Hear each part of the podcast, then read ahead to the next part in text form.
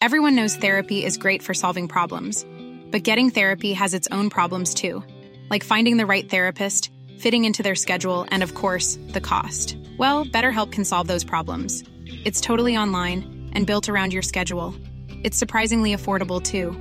Connect with a credentialed therapist by phone, video, or online chat, all from the comfort of your home. Visit betterhelp.com to learn more and save 10% on your first month. That's BetterHelp H E L P. Burrow is a furniture company known for timeless design and thoughtful construction and free shipping, and that extends to their outdoor collection. Their outdoor furniture is built to withstand the elements, featuring rust-proof stainless steel hardware, weather-ready teak, and quick-dry foam cushions. For Memorial Day, get 15% off your Burrow purchase at burrow.com slash ACAST and up to 25% off outdoor. That's up to 25% off outdoor furniture at burrow.com slash ACAST.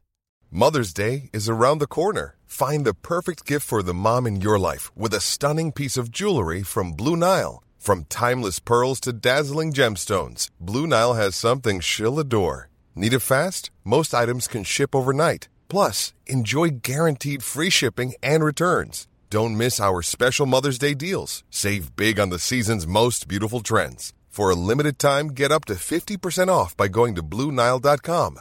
That's Blue BlueNile.com.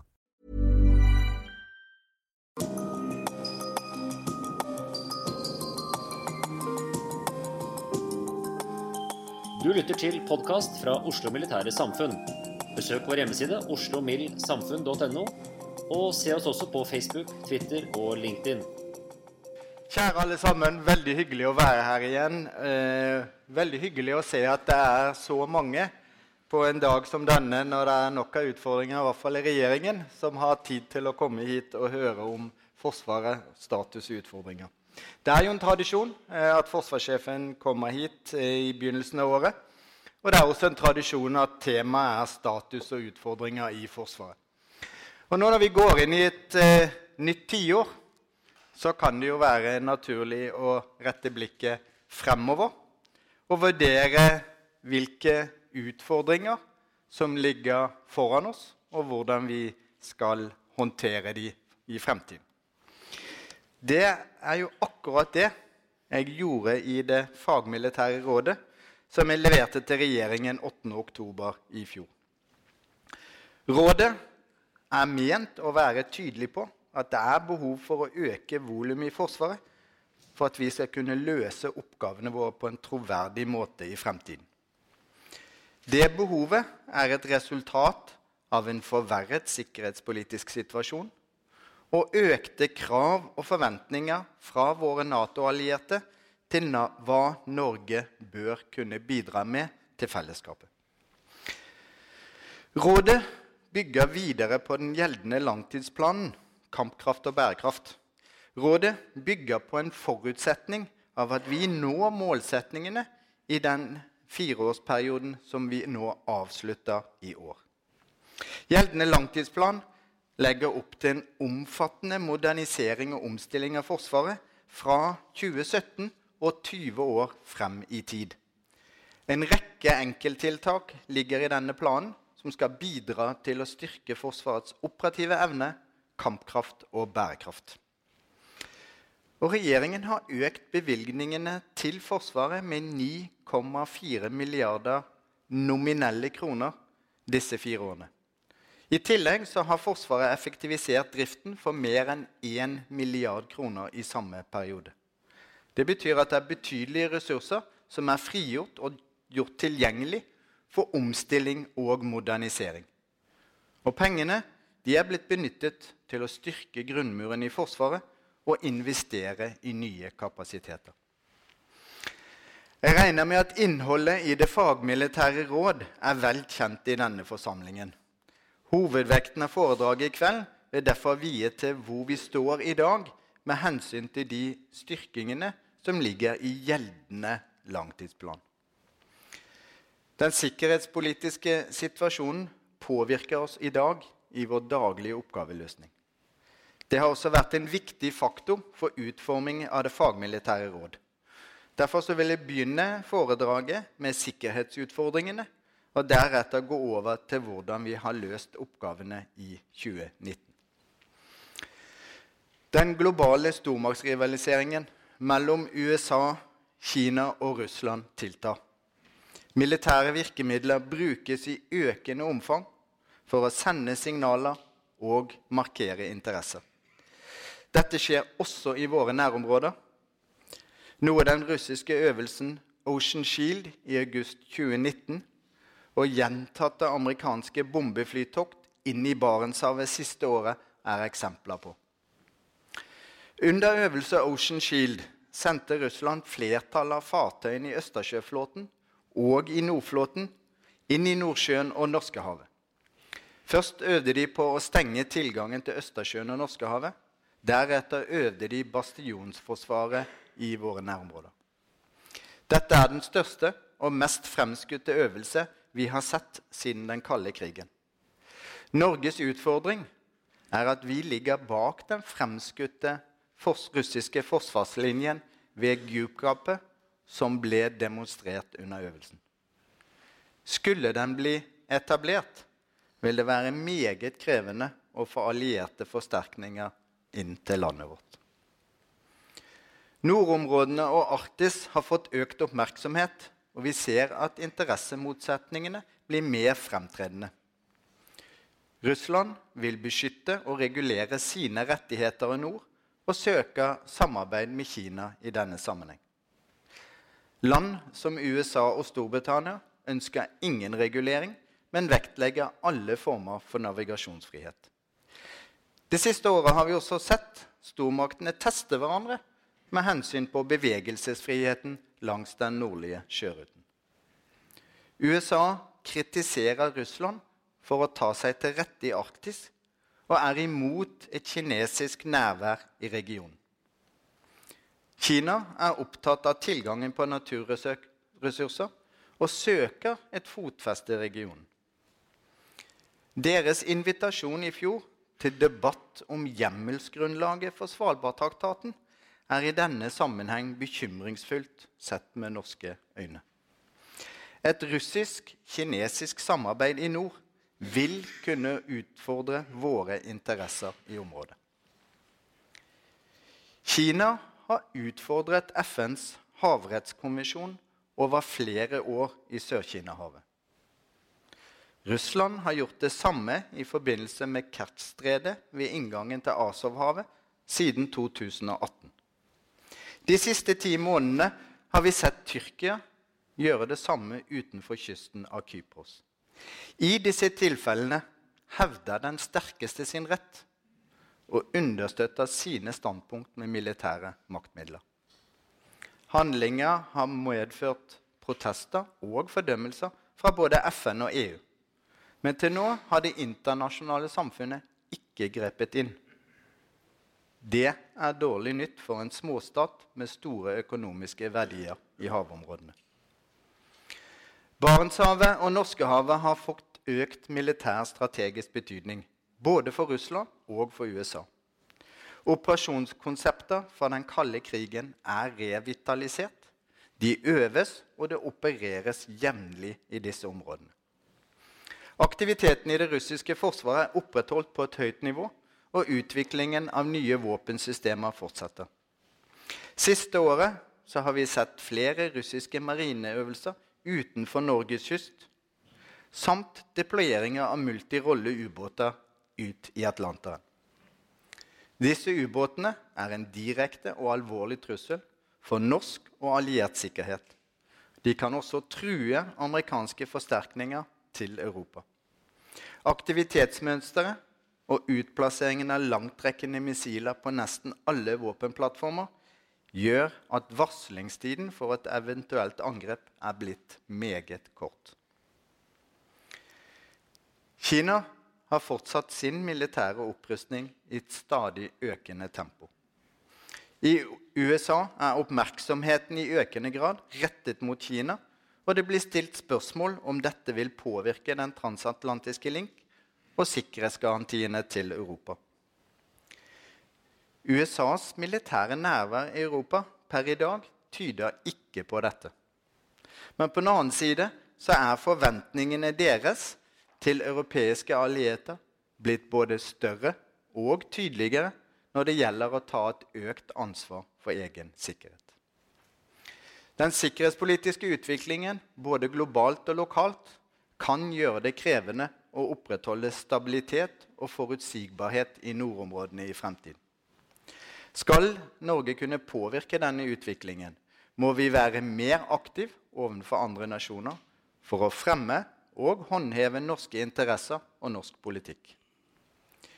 I en verden hvor den sterkeste i økende grad tar seg til rette, vil vår militære evne og vårt militære nærvær spille en viktig rolle både i forhold til avskrekking, men også for å beholde den politiske handlefrihet.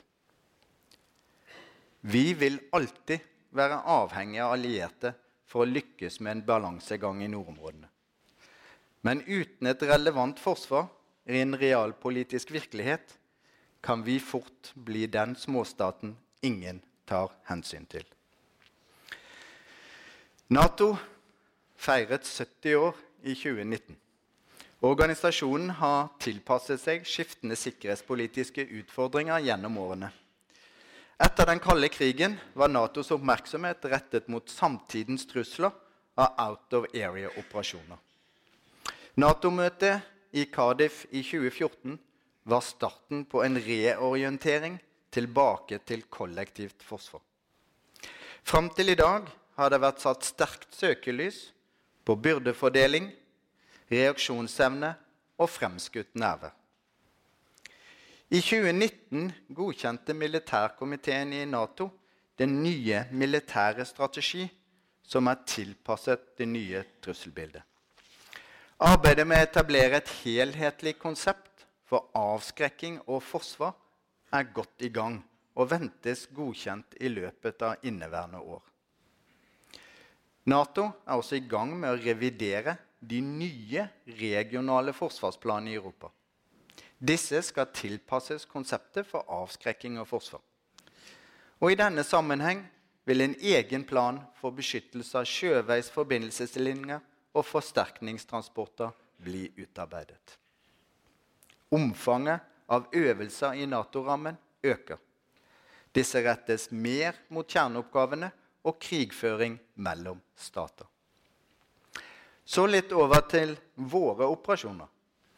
I fjor sa jeg fra denne talerstolen at antallet sensorer og plattformer var marginalt for å løse våre pålagte oppgaver. Aktivitetsnivået i 2019 har forsterket dette inntrykket. Det økte aktivitetsnivået hos vår nabo i øst og fra våre allierte har kontinuerlig utfordret tilgjengeligheten på Forsvarets ressurser. MPA-miljøet på Andøya har stått på dag og natt for å levere flytimer til overvåking av aktivitetene i våre nærområder. Klargjøringen av egne fly samt støtte til allierte fly som har operert ut fra Andøya, har pågått kontinuerlig høsten 2019. Til tross for at vi har en aldrende flypark og lav bemanning, så har avdelingen på Andøya levert i henhold til krav og forventninger. Det fortjener de både skryt og anerkjennelse for.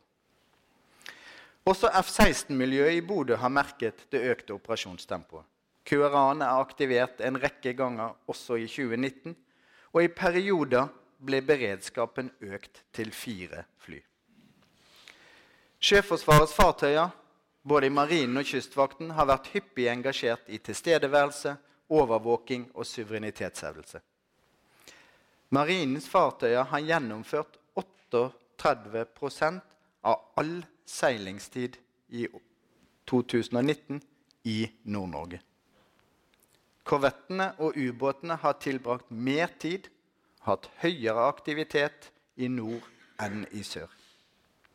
Oppdragsmengden har resultert i at fartøyene har seilt mer enn vi planla ved inngangen til 2019. Kystvakten har opprettholdt sitt aktivitetsmønster har gjennomført 1120 inspeksjoner, gitt 242 reaksjoner i 2019, noe som er et normalt antall i forhold til de tidligere år. Vi har sett antall allierte soldater som har vært på trening i Norge det siste året. Det er det dobbelte av hva vi forventet ved inngangen til denne langtidsplanen. Vertsavdelingene i Hæren har dermed fått langt større aktivitet knyttet til denne rollen enn det som var planlagt. En positiv effekt er selvfølgelig økt kompetanseoverføring mellom våre avdelinger og de allierte styrkene. Erfaringene fra 2019 i våre nasjonale oppgaver har understreket at vi har for få enheter til å løse Forsvarets oppgaver innenfor det gjeldende ambisjonsnivået.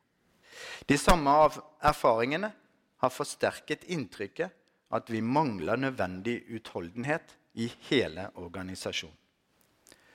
Bemanningsnivået vårt er tilpasset et langt lavere fredstidsaktivitet enn det som kreves i dagens bilde.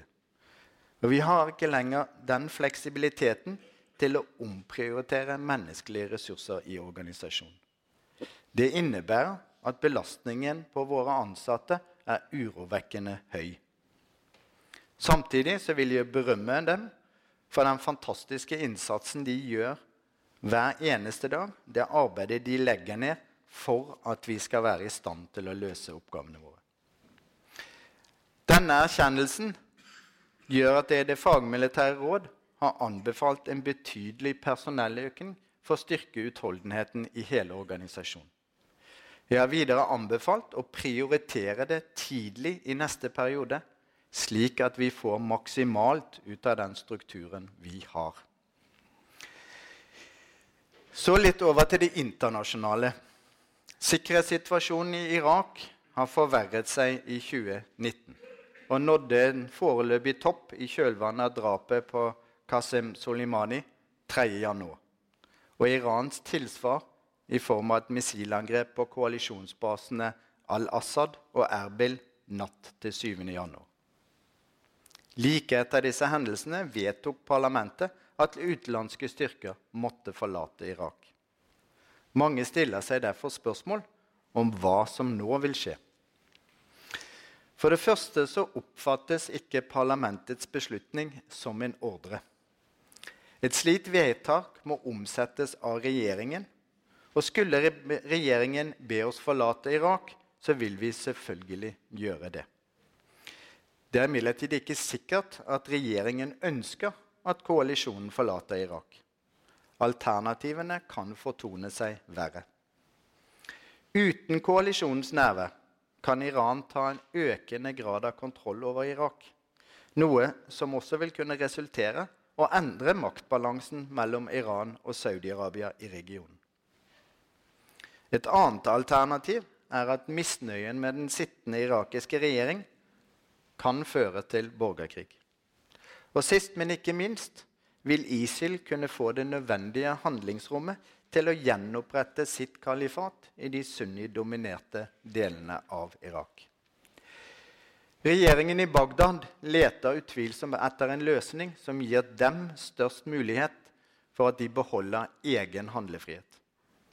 President Trumps oppfordring til Nato om å ta en større rolle i Irak kan nettopp være et slikt alternativ. Det er ingen tvil om at Nato kan overta hele operasjonen Inherent Resolve, og vil også kunne garantere et tydeligere skille mellom USAs Maximum Pressure Campaign mot Iran og kampen mot ISIL. Irans angrep på Al-Assad-basen med 17 ballistiske missiler rammet vårt styrkebidrag fra Panserbataljonen. Til alt hell ble våre soldater varslet om angrepet og fikk tatt nødvendige forholdsregler. Ingen soldater ble skadet, og skadene på materiell og infrastruktur er minimale. I den sammenheng vil jeg berømme soldatene våre, den profesjonelle holdningen og innsatsen de viste, og den roen de viste i den trusselsituasjonen de var oppe i. Irans svar med ballistiske missiler mot to koalisjonsleirer er en betydelig heving av spenningen i regionen. Dersom Iran sto for det initielle varselet om angrepet, kan det tolkes som et avmålt og kontrollert respons på drapet på Sulameni. Uten varselet er det ingen tvil om at mange allierte soldater ville blitt drept. Og situasjonen kunne fort eskalert til krig. Nedskytingen av det ukrainske passasjerflyet i Teheran kan tyde på at noen i Iran var forberedt på nettopp dette. Angrepet er et eksempel på hvilken trussel moderne missiler representerer, og hvor liten varslingstid man får mot slike angrep. I dag er vi i ferd med å gjenoppta mentoreringen etter irakernes eget ønske. Vi planlegger å opprettholde vårt bidrag til koalisjonen ut året. Hva som skjer i fortsettelsen, får vi vente med inntil politiske samtaler har avklart veien videre. I Afghanistan mentorerer vi fortsatt spesialpolitienheten i Kabul. Dette oppdraget har vi hatt i over ti år. Og våre afghanske kolleger er blitt dyktige innen kontraterroroperasjoner. Sikkerhetssituasjonen i Afghanistan er imidlertid ikke blitt bedret de siste årene. Arbeidet med å etablere en fredsavtale mellom USA og Taliban strandet på målstreken i september 2019. Det er håp om at disse samtalene blir gjenopptatt. Alle parter ser at kun en politisk løsning som inkluderer Taliban, kan bringe fred til dette krigsherjede landet. Taliban av 2019 er mer moderat. De har ved flere anledninger det siste året gått til angrep på militante islamister i ISKP, altså ISIL i Khorasan provins, for å hindre at ekstremistene får utvidet fotfeste i landet. USA har ambisjon om å redusere sitt styrkebidrag i Afghanistan. Og Min vurdering er at amerikansk nedtrekk vil komme i nær fremtid uavhengig av samtaler med Taliban. Nato vil sannsynligvis følge opp med tilsvarende nedtrekk. Nedtrekket vil ikke endre evnen til å støtte de afghanske sikkerhetsstyrkene, men redusere robustheten til de allierte. Fra mine samtaler med sjef RSM, altså Resolute Support Mission, har jeg fått et bestemt inntrykk at det fortsatt er ønskelig at Norge viderefører mentorering av spesialpolitiet i Kabul, uavhengig av et eventuelt nedtrekk. Vi har også tatt på oss oppdraget å lede det allierte militærsyket i Kabul fra april i år for en periode på 18 måneder.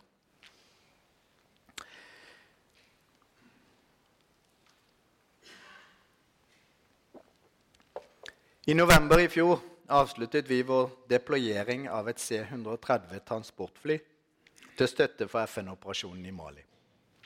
Vi er forberedt på en ny deployering i de kommende årene. I mellomtiden så fortsetter vi driften av leiren i Bamako ut 2022. Det har blitt kjent gjennom media at Norge har mottatt en forespørsel fra Frankrike og Mali om å delta i en internasjonal operasjon for å bekjempe de militante islamistene i Mali. Forespørselen har en direkte sammenheng med det internasjonale samfunnets vilje til å bekjempe og begrense IS sin utbredelse. Da ISIL tapte terreng i Syria og Irak, vedtok de å spre sin ideologi til andre deler av verden. Og vi har siden da observert over de senere årene spredning av ekstrem islamisme både i Sørøst-Asia og i Afrika. En rekke militante islamistiske organisasjoner er nå etablert gjennom hele Sahel-beltet, fra Mali i vest til Somalia i øst. I dette beltet i Sahel er det stor fattigdom, arbeidsløshet og manglende utdanning. Ungdom uten fremtidsutsikter er enkle mål for rekrutteringen til de militante islamistene og antallet har økt betydelig i regionen det siste året. Selv om mange av disse gruppene først og fremst har lokale agendaer, så har ledelsen av IS i Greater Sahara en klar målsetting om å opprette et nytt kalifat basert på den ekstreme islamistiske tro. Lykkes de med dette, er det ventet at det vil skape betydelig migrasjon bort fra området, slik vi så det skje i Irak og Syria. Det er også en bekymring for at et nytt og synlig kalifat vil øke tilslutningen til ekstrem islamisme i andre deler av verden, inkludert Europa.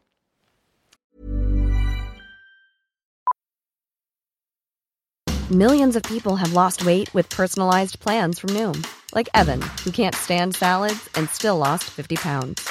Salads, generally, for most people, are the easy button, right? For me, that wasn't an option. I never really was a salad guy. That's just not who I am. But Noom worked for me. Get your personalized plan today at Noom.com. Real Noom user compensated to provide their story. In four weeks, the typical Noom user can expect to lose one to two pounds per week. Individual results may vary. Everyone knows therapy is great for solving problems, but getting therapy has its own problems too, like finding the right therapist, fitting into their schedule, and of course, the cost. Well, BetterHelp can solve those problems. It's totally online and built around your schedule. It's surprisingly affordable too. Connect with a credentialed therapist by phone, video, or online chat, all from the comfort of your home. Visit betterhelp.com to learn more and save 10% on your first month. That's BetterHelp, H E L P. Utviklingen i Mali og nabolandene Burkina Faso og Niger er urovekkende. De militante islamistene går til angrep på regulære militære avdelinger og demonstrerer svakheten til styresmaktene. Samtidig sikrer de seg sitt eget handlingsrom. Frankrike vil ta ledelsen i den internasjonale operasjonen som skal begrense oppslutningen til IS og hindre at det opprettes et nytt kalifat. På militær side innbefatter dette å bekjempe de militante islamistene, samtidig som vi bygger opp den lokale sikkerhetsstyrkene til et faglig nivå hvor de selv kan begrense de voldelige angrepene i området. En operasjon i Mali vil være av samme type som vi har bidratt til i Afghanistan og Irak. Norske soldater og offiserer har over mange år vist at vi er gode på denne typen operasjoner og oppnår mer suksess enn mange andre gjør. Nettopp derfor ønsker Frankrike å ha Norge med i denne operasjonen. Forsvaret kan bidra mer i Mali. Men det er en politisk avgjørelse om Norge skal fortsatt delta i kampen mot militante islamister nå i en ny del av verden. Vi viderefører selvfølgelig våre bidrag i FN-misjonene i Midtøsten og Sør-Sudan. Og det gjør vi på omtrent samme nivå som i 2019. I oktober i fjor hadde jeg gleden av å ønske generalmajor Kristin Lund velkommen hjem etter to år som styrkesjef i UNSO. Som eneste kvinnelige styrkesjef i FN og som sjef for to ulike misjoner så har hun satt tydelige og positive spor etter seg. For sin innsats ble hun hedret med St. Olavs orden av Hans Majestet Kongen. Vel fortjent. Norge er også en viktig bidragsyter til Natos stående maritime styrker. Det er en viktig del av Natos evne til raskt å respondere på oppdukkende situasjoner og har de siste årene blitt stadig viktigere for å vise Nato nærvær i Østersjøen, Middelhavet og Svartehavet. Den 9. desember i fjor overtok Norge kommandoen av SNMG1 og flaggskipet KNM Otto Sverdrup under ledelse av flaggkommandør Yngve Skoglund. Dette er femte gangen på ti år at Norge leder denne styrken. 15.1 i år overtok vi også ledelsen på minerydderstyrken. Orlogskaptein Henning Knutsen Hauge er sjef for denne styrken det neste halvår. Det innebærer at Norge nå har ledelsen på to av Natos fire stående marinestyrker. Norge har også bidratt aktivt til Natos fremskutte nærvær i Litauen siden 2016. Sommeren 2019 skiftet vi fra en ISTA-enhet tilbake til en mekanisert kompanistridsgruppe. Den skal vi opprettholde der ut 2022. Norske bidrag i internasjonale operasjoner er relativt små. Men de er ettertraktet fordi vi holder en høy kvalitet. Vi leverer det vi lover. Vi er enkle å samarbeide med. Vi er en verdsatt og en troverdig partner. Under mine besøk lar jeg meg stadig imponere av innsatsen som våre soldater og ledere legger ned. Det gjør også mine utenlandske kollegaer. Vi får som oftest langt mer ut av våre ressurser enn det andre nasjoner gjør. Det er ikke individene, men systemet vårt som over tid har produsert gode ledere, gode holdninger og gode fagmilitære kvaliteter som sikrer oss den internasjonale anerkjennelsen. Vi gjør mye riktig for tiden, og det skal vi være stolte av. Vi går nå inn i det siste året av gjeldende langtidsplan. I Forsvaret skal oppmerksomheten vies mot å gjennomføre denne planen og sikre et best mulig utgangspunkt for neste periode. Målet i den gjeldende planen er som nevnt tidligere, å styrke den operative evnen i fred, krise og krig. De første årene er prioriteten gitt til å få det vi har, til å virke. Mens moderniseringen av Forsvaret er også iverksatt gjennom en betydelig økning i investeringene. Gjeldende langtidsplan har en markant satsing på å ta igjen etterslep på vedlikehold, styrke reservedelsbeholdninger, bemanne opp strukturen og til sist øke aktivitetsnivået. Totalt 2,5 milliard er avsagt til vedlikehold og reservedeler i perioden. Etterslepet er blitt betydelig mindre, og et høyere vedlikeholdsnivå er etablert. Omfanget av reservedeler øker, og utfordringene i dag er først og fremst knyttet til systemer som er blitt ukurant, og hvor reservedeler nesten er umulig å oppdrive. Ute ved de operative avdelingene så merkes denne satsingen ved at stadig flere enheter får en bedret materiellmessig tilgjengelighet. Alle utfordringene er ikke løst, og blir det trolig ikke før de eldre systemene er skiftet ut. I år starta vi oppbyggingen av den femte fregattbesetningen den åttende besetningen til de helikopterbærende kystvaktfartøyene og den andre besetningen til logistikkfartøyet KNM Maud. Denne satsingen innebærer at alle Kystvaktens fartøyer nå får dobbel besetning, og at den samme løsningen prøves ut i marinen. Vi vet at denne løsningen gir økt tilgjengelighet og færre driftsavbud. Målet er derfor å få mest mulig ut av plattformene våre, samtidig som vi søker å minimere enhetskostnaden per seilingsdøgn. Langs vår nordøstlige flanke styrkes og samordnes den militære landmakten under Finnmark landforsvar. Etableringen foregår stegvis, og målet er å øke tilstedeværelsen med kampklare militære styrker under én felles ledelse. Utviklingen innebærer omfattende investeringer i materiell, bygg og anlegg samt et økt antall soldater i landsdelen. Ledelsen i Finnmark landforsvar ble etablert i august 2018 og skal være fullt operativ innen 2021.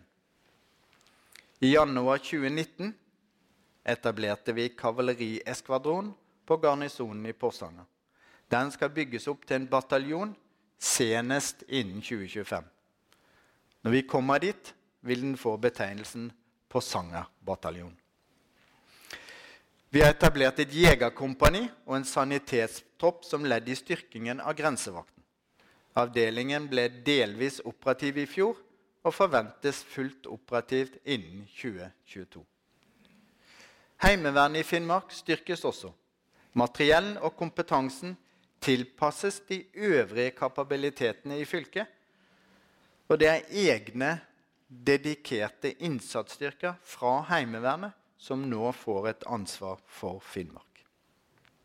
Vi har hatt utfordringer med å rekruttere lokalt til Heimevernet i Finnmark. Derfor ble det iverksatt en prøveordning i fjor med seks måneder grunnleggende soldatutdanning for finnmarkinger øremerket til Heimevernet ved garnisonen i Porsanger. Dette var en stor suksess. Vi fikk bedre tilgang på motiverte soldater med tilhørighet i regionen, og som ga oss grunnlaget for å styrke bemanningen i HV-17. Derfor kommer den prøveordningen til å fortsette.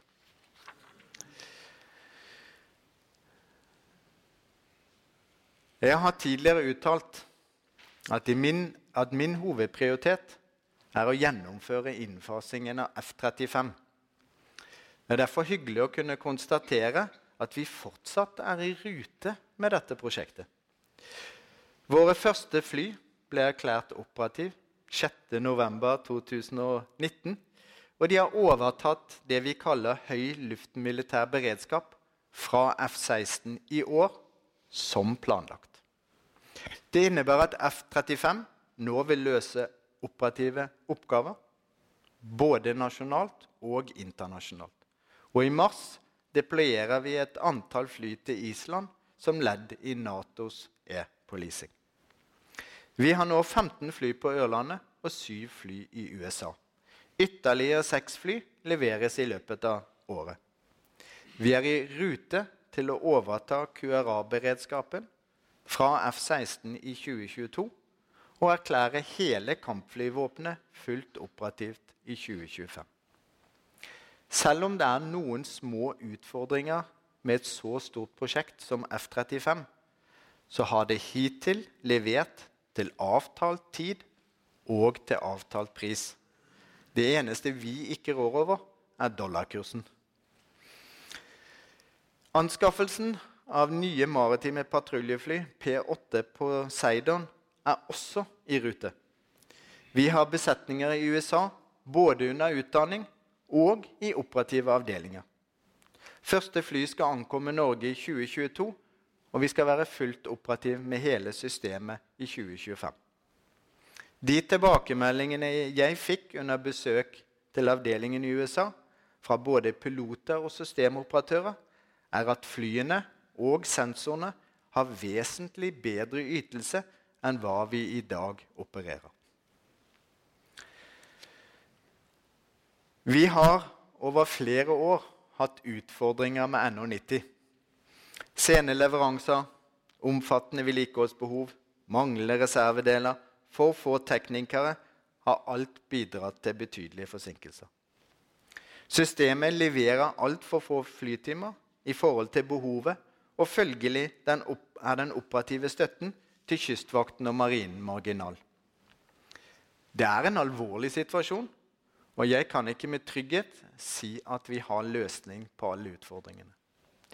Vi jobber imidlertid målrettet for å bedre reservedelssituasjonen, effektivisere vedlikeholdet og forventer at det vil bli en bedre tilgjengelighet etter hvert.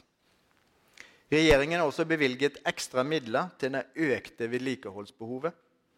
Forsvaret har inngått samarbeid med strategiske partnere for å få støtte til vedlikeholdet, samtidig som Luftforsvaret jobber for å øke kapasiteten sin bl.a. gjennom rerekruttering av teknisk personell og øke volumet av utdanning av nytt personell. Det som er positivt, er at dette helikopteret er meget bra når vi flyr det. Ytelsene i alle rollene er meget gode. De siste månedene har fregattene og NH90 øvd anti-ubåtoperasjoner sammen.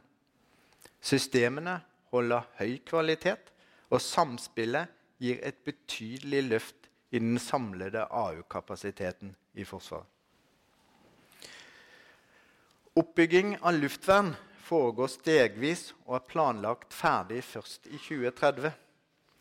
Oppgradering av eksisterende luftvern til NASAMS 3 og oppbyggingen av flere luftvernstridsgrupper er godt i gang. Neste steg er å anskaffe og innfase kampluftvern samt bærbare luftvernsystemer. Og Det siste steget er innføring av langtrekkende områdeluftvern til våre viktigste baser. Behovet for luftvern er åpenbart. Prioriteten er derfor også høy. Men samtidig så er dette komplekse og kostbare systemer som det tar tid å anskaffe og innfase. Hæren har fått de første leveransene av nytt artilleri. Jeg skulle vel egentlig sagt at det er FMA som har fått de, og Hæren får de etter hvert. Totalt så anskaffa vi 24 skyts pluss 6 ammunisjonskjøretøy. Artilleribataljonen skal starte omvæpning til det nye artilleriet denne høsten og forventes fullt operativt med hele systemet innen 2022. Det har jo vært skrevet en del om negativt om rekkevidden på dette artilleriet i løpet av julen. De skytsene vi anskaffer, er fullt kapable. Det må det ikke være tvil om. Med nyere ammunisjon så vil også disse skytsene kunne gi betydelig økte rekkevidder. Hærens CV90 kampvogner har over flere år gjennomgått en betydelig oppgradering, fått en bedret situasjonsforståelse, økt evne til digitalisert deling av måldata og bedre beskyttelse for mannskapet. CV90-en med den fremtidige sambandsløsningen kan dele sensorinformasjon med andre landstyrker, med fly, herunder F-35, og fartøyer i sann tid. Dette oppleves vi det er stor interesse for, denne utviklingen, blant våre allierte nasjoner. Sjøforsvaret får også tre nye isforsterkede kystvaktfartøy. Leveransene som er planlagt i perioden 2022 2024, er i rute. De vil erstatte Nordkapp-klassen. Kystvakten har i tillegg overtatt den statlige slepebåtberedskapen fra i år. To egne fartøy er innleid for dette formålet.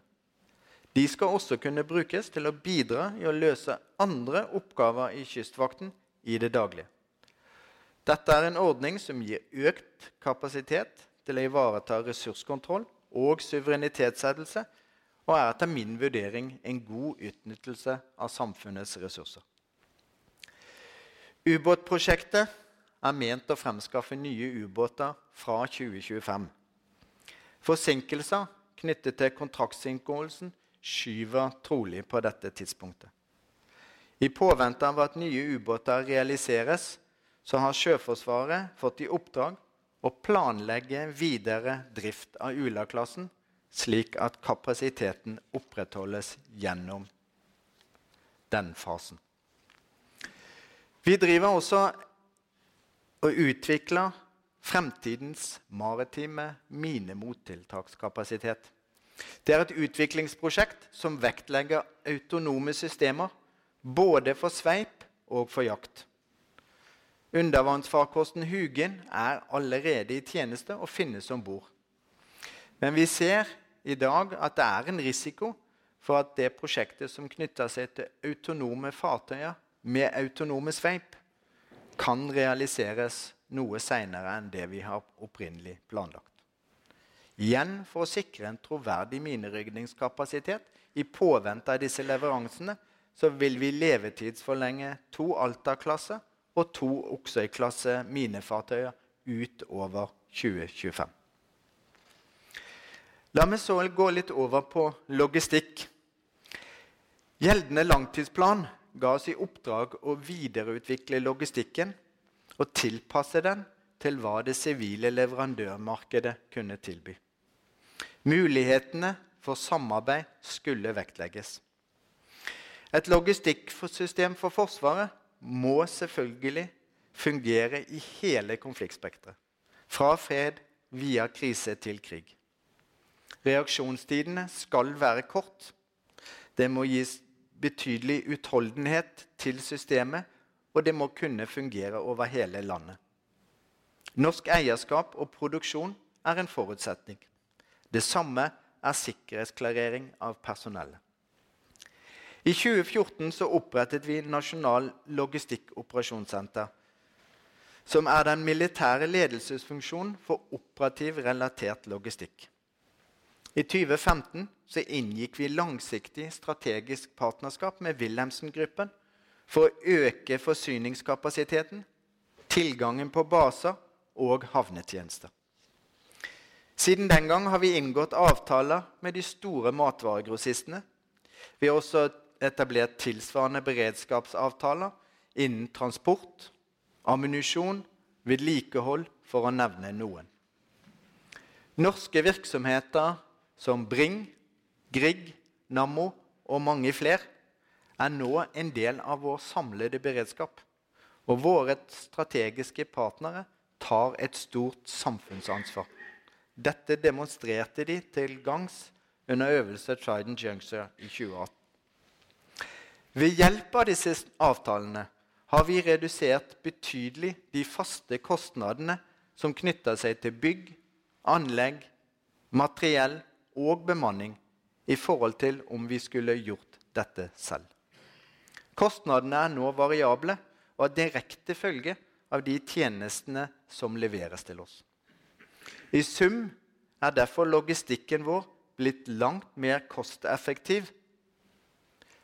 Løsningen er sentralt ledet gjennom Logistikkoperasjonssenteret, men har sivil og lokal utførelse. Logistikksystemet er testet. Det er en enestående løsning i alliansen, og den fungerer svært godt. Øvelse Trident Juncture som jeg nevnte, viste at, sorry, viste at systemet har en formidabel kapasitet og kan levere i forhold til nasjonale så vel som Natos behov. Vi har nå et effektivt forsyningssystem for daglig drift som hurtig kan skaleres opp vesentlig for å ivareta leveransebehovene fra våre allierte. Systemet har den kapasiteten som kreves for krig, samtidig som kostnaden er noe vi kan bære i fred. Løsningen overstiger etter min vurdering hva vi kunne maktet på egen hånd. Strategisk partnerskap har derfor etter min vurdering så langt vært en suksess. Men vi er ikke i mål og må ikke si oss tilfreds. I årene fremover vil vi se på nye områder, både innenfor forsyning, vedlikehold, bygg og anlegg og ikke minst IKT. Rekvisisjonsloven gir oss fortsatt muligheten for å øke logistikkstøtten i krig. Men dette systemet må moderniseres og tilpasses dagens samfunnsstruktur. Det arbeidet har vi påbegynt. Den nye militære ordningen som ble vedtatt i 2015, er den største personalpolitiske endringen i Forsvaret på mange tiår. Ordningen skal være innført innen utgangen av dette året. Å få ordningen til å virke optimalt tror jeg imidlertid vil ta mye lengre tid. Den nye militære ordningen skal bl.a. sikre økt kompetanse og erfaring ved våre operative avdelinger. Dette gjelder i første rekke for spesialistene, både soldater og befal. De skal bidra til å øke ståtiden, øke kvaliteten på utdanningen og derved øke kampkraften. I tillegg skal OMT gjøre det enklere å rekruttere og ansette personell og spesialister for et bredere mangfold enn det vi kunne tidligere. Forsvarsstaben gjennomførte en evaluering av innføringsløpet etter vel to år. Resultatene viste at vi ikke har økt ståtiden blant de unge vesentlig. Prosjektspesialisten har gjennomført en spørreundersøkelse og analyser og kommet frem til en rekke tiltak som anbefales iverksatt for å øke denne ståtiden. Anbefalingene er innarbeidet til en kampanjeplan som har som mål å innføre alle disse endringene i løpet av dette året. I planen inngår også konvertering av gjenværende yrkesbefal til henholdsvis befal og offiserer basert på deres formelle utdanningsnivå. Etter fire år så ser vi at spesialistkorpset begynner å ta form og virker etter sin hensikt på mange steder. Det er imidlertid fortsatt noe usikkert knyttet til roller og rolleforståelse både blant spesialistene våre og offiserene. Den kulturelle snuoperasjonen som OMT innebærer, har vi vært bevisst. Men det er et generasjonsprosjekt, og vi må jobbe kontinuerlig med dette i årene fremover før vi kan si at det nye systemet har satt seg. Utdanningsreformen kom i kjølvannet av OMT og ble iverksatt i 2018. Krigsskolene, befalsskolen videregående befalsutdanning 1, 2 og 3 er alle etablert. Tilbakemeldingene fra de første elevene på alle utdanningene er meget positive. Og rekrutteringen til krigsskolene er meget bra. I 2019 har ca. 80% av de 210 elevene vi tok opp ved krigsskolene, bakgrunn fra førstegangstjeneste eller spesialistordningen. Det vil si at rundt 20% har ingen tidligere erfaring fra Forsvaret. Seks av dem har en relevant bachelor akademisk utdanning fra før og gjennomfører krigsskolen på ett år. La meg avrunde. Det sikkerhetspolitiske landskapet er i bevegelse, og den utviklingen er bekymringsfull. Stormaktsrivalisering og regionale motsetninger preger bildet. Antallet hendelser hvor den sterkeste tar seg til rette, øker, og militær maktbruk er blitt mer vanlig. Skal Norge sikre sine interesser og bidra til stabilitet i våre nærområder, så må vi ha et forsvar som er synlig, tilgjengelig og troverdig. De siste årene er det brukt betydelige ressurser på å sikre at det forsvaret vi har, fungerer best mulig. En rekke tiltak er iverksatt gjennom den gjeldende langtidsplanen, og det har gitt betydelig effekt. Samarbeidet med allierte, med strategiske partnere og innenfor rammen av totalforsvaret har vært avgjørende for at vi skulle få mest mulig ut av ressursene og heve kvaliteten på Forsvaret som system. Moderniseringen er startet og fortsetter inn i neste periode. Det dreier seg selvfølgelig om materiell, men like viktig er moderniseringen av vår kompetanse til å forstå betydningen av ny teknologi og nye krigføringsarenaer, for så å utnytte denne kunnskapen til vår fordel. Vi er kommet langt i å få det vi har, til å virke. Vi får mer ut av knappe ressurser enn de fleste.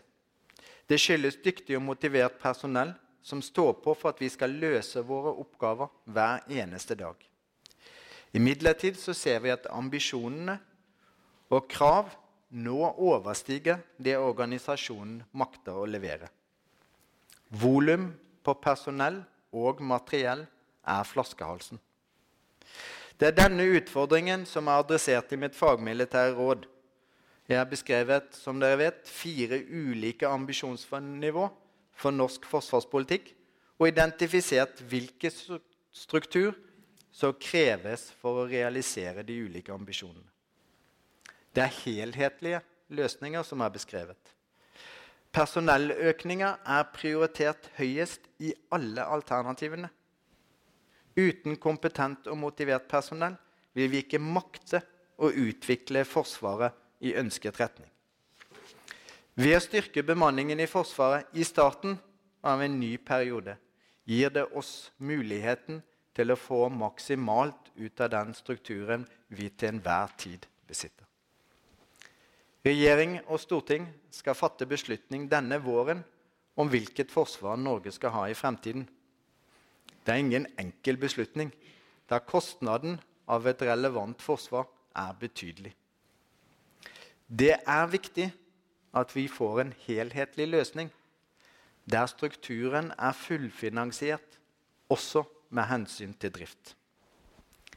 Det Forsvaret politikerne vedtar, må kunne være synlig, tilgjengelig og troverdig for at vi skal kunne sikre våre interesser inn i fremtiden. Takk for oppmerksomheten.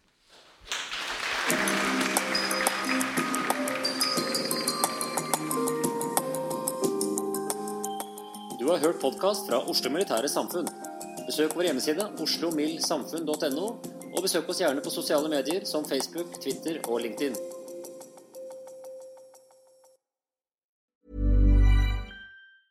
Mom deserves the best, and there's no better place to shop for Mother's Day than Whole Foods Market. They're your destination for unbeatable savings, from premium gifts to show-stopping flowers and irresistible desserts. Start by saving 33% with Prime on all body care and candles. Then get a 15-stem bunch of tulips for just $9.99 each with Prime. Round out Mom's menu with festive rosé, irresistible berry chantilly cake, and more special treats. Come celebrate Mother's Day at Whole Foods Market. Planning for your next trip? Elevate your travel style with Quince. Quince has all the jet setting essentials you'll want for your next getaway, like European linen, premium luggage options, buttery soft Italian leather bags, and so much more. And it's all priced at 50 to 80% less than similar brands. Plus, Quince only works with factories that use safe and ethical manufacturing practices. Pack your bags with high-quality essentials you'll be wearing for vacations to come with Quince. Go to quince.com slash trip for free shipping and 365-day returns.